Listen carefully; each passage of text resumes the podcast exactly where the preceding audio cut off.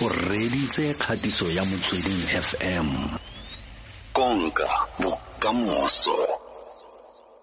Phata la bojanala mme ra go buisana yalo le ba tourism business council of south africa ra go buisana yalo le motlhankedi khuduthamaga e leng eh re chifiwa chibengwa mo tsatsing la gompieno ke eno re yang go buisana le ena gore dihotele ka bontsi di tswetswe eh ga mmogo le di-bnb gore bone ba amegile ka tsela e ntseng jang e le ba tourism business council of south africa o teng fa mo mogaleng re Tshivhengwa re Tshivhengwa dumelang go nne le kae Eh, dumelang le kae ntate? a o tlhotse Hi. Uh, we are good. We are good. And thank you for having me and uh, good afternoon to your listeners. Mhm. Ke tsa gore eh headline ya gore eh e tlhageletseng mo malobeng fa gore eh ya go tswala yalo di-hotele di le 36 ke tsa gore e rile o kopane yalo le headline ntseng jalo ke tsa gore wa tshogaganyane eh? I, I think, uh, yes, it's true. Uh, that is, uh, the hotels are closed. And uh, this is based on the fact that, you know, uh, taba e ya, ya coronavirus, mm. uh, since it came out uh, in China, uh, it mathata fela mo uh, tourism uh, to a point where you know a lot of people are no longer traveling into the country, uh, and this this started you know around January uh, when we were looking, and then Ribona Hori, you know more and more people are no longer coming or they are cancelling because they are fearful of, of, of this this matter. So it means that you know, as time goes, you know, fewer and fewer people were staying at hotels, and therefore the occupancy levels at the hotels were so low that necessitated that many hotels closed down, you know, the hotels, including Tsogo Sun. So if you look across the board, including Sun International, um, you know, it's closed, and many other groups of hotels are closed. The only few that are working are only housing essential workers uh, and also the, users quarantine. But yes, the coronavirus or the, the COVID-19 has, has been devastating for the industry. So that's why you're seeing these headlines for it, you know, you know, hotels have been closed, you know, across the country. And it, it's indeed true, but said, um, that that's the state of the affairs at the moment. Mhm. a re bua yalo from numbers perspective re bua ka dipalopalo jalo gore eh ha re nna practical seo eh go tsa covid-19 e a go ama yang eh lephata la bojanala go tsa tourism Um, look, uh, from the numbers point of view, uh, right now there's zero inbound tourism, and uh, inbound walk about the Ratang, Vajako overseas, who are coming into South Africa. You, you, would have seen that now we have, you know, no more aeroplanes in the sky.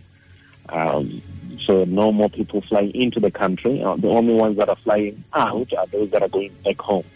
So we don't have any tourists in the country. Um, we don't have movement of South Africans within South Africa. So domestic tourism in Ghana is suffering.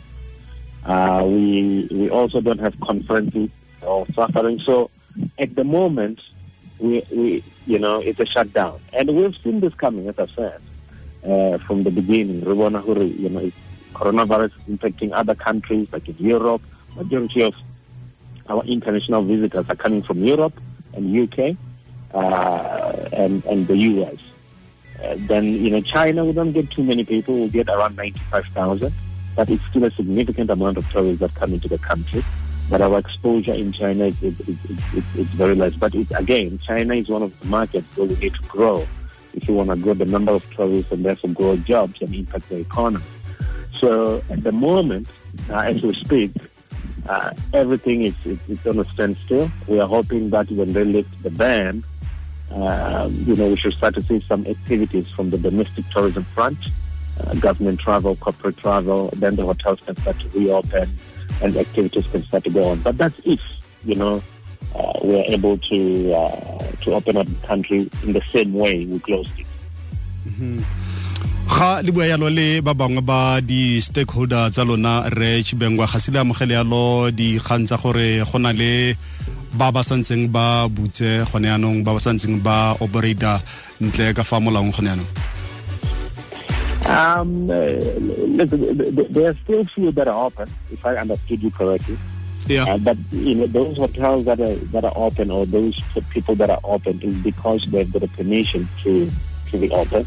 And I'll give you an example of what we're doing now as a tourism industry. So we have offered, you know, a lot of the hotel stocks uh, that we have across the country uh, to be used by government should they need to be used.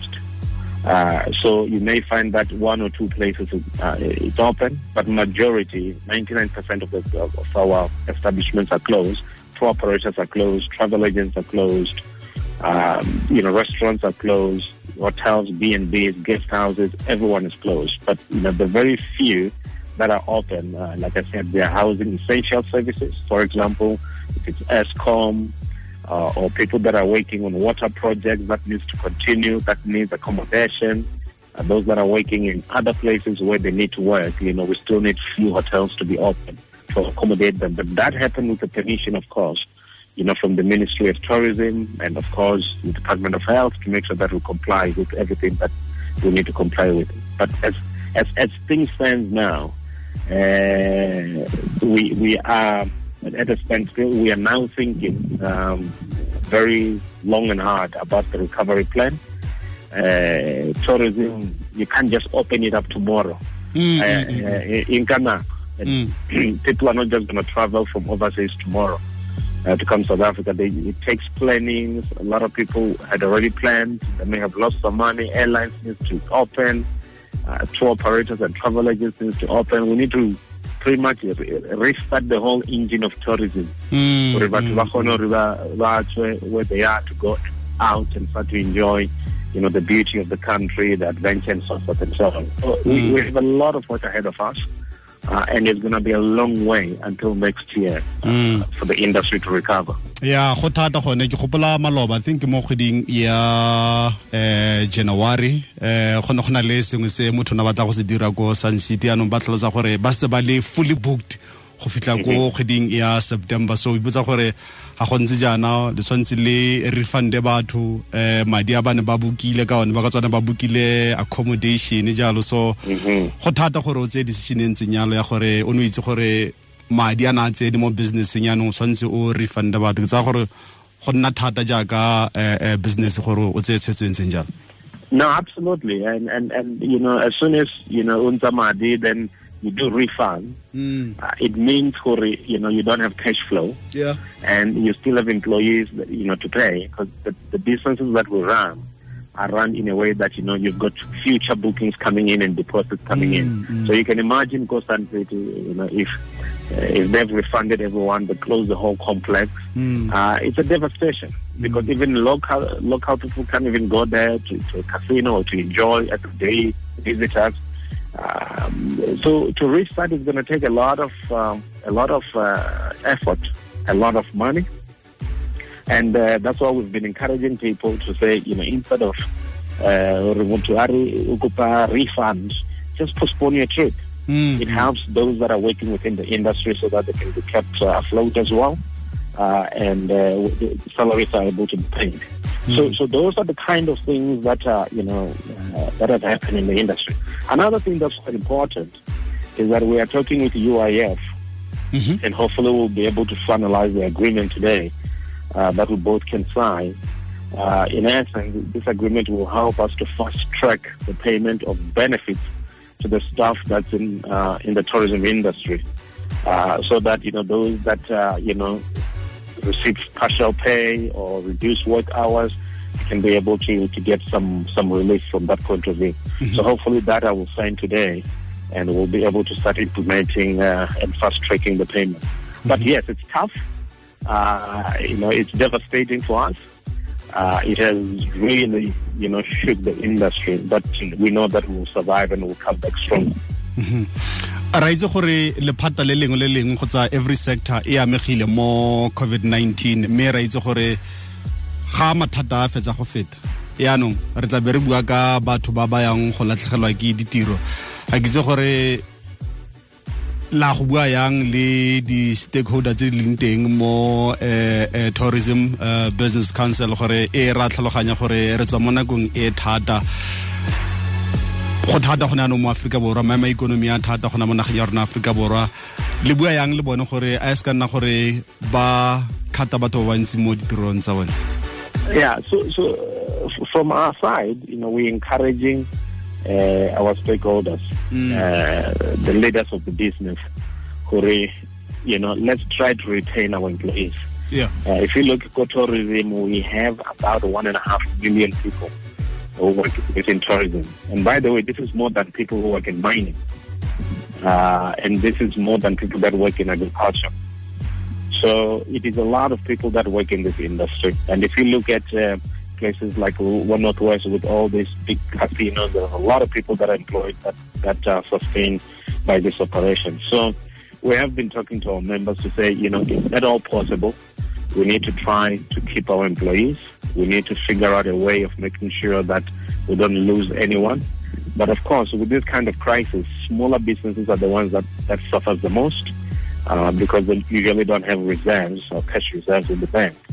Um, so that's why we're talking to UIF to see, you know, this uh, stopgap measure of, of UIF coming in and uh, and paying their portion of salaries, you know, will help businesses retain these employees, and this will help us to retain our, our workforce and people's livelihoods uh, because you know, because because you know, you must live and you know people have liabilities and responsibilities mm. and many people are responsible for a lot of family members. So we're trying to make sure that uh, you know we, we don't contribute to much you know increase in poverty and so forth and so on. So that's why we're telling our members to try to retain as many people as possible. It's going to be painful, but we'll have to we'll come back as an industry and we'll come back even stronger. Tshifhiwa Tshivhengwa go tswa kwa tourism business council of south africa re lebogetse nako ya gagong kgonne Yeah. okay na letsatsi le le monate ne e ke kgatiso ya motsweding fm konka bokamoso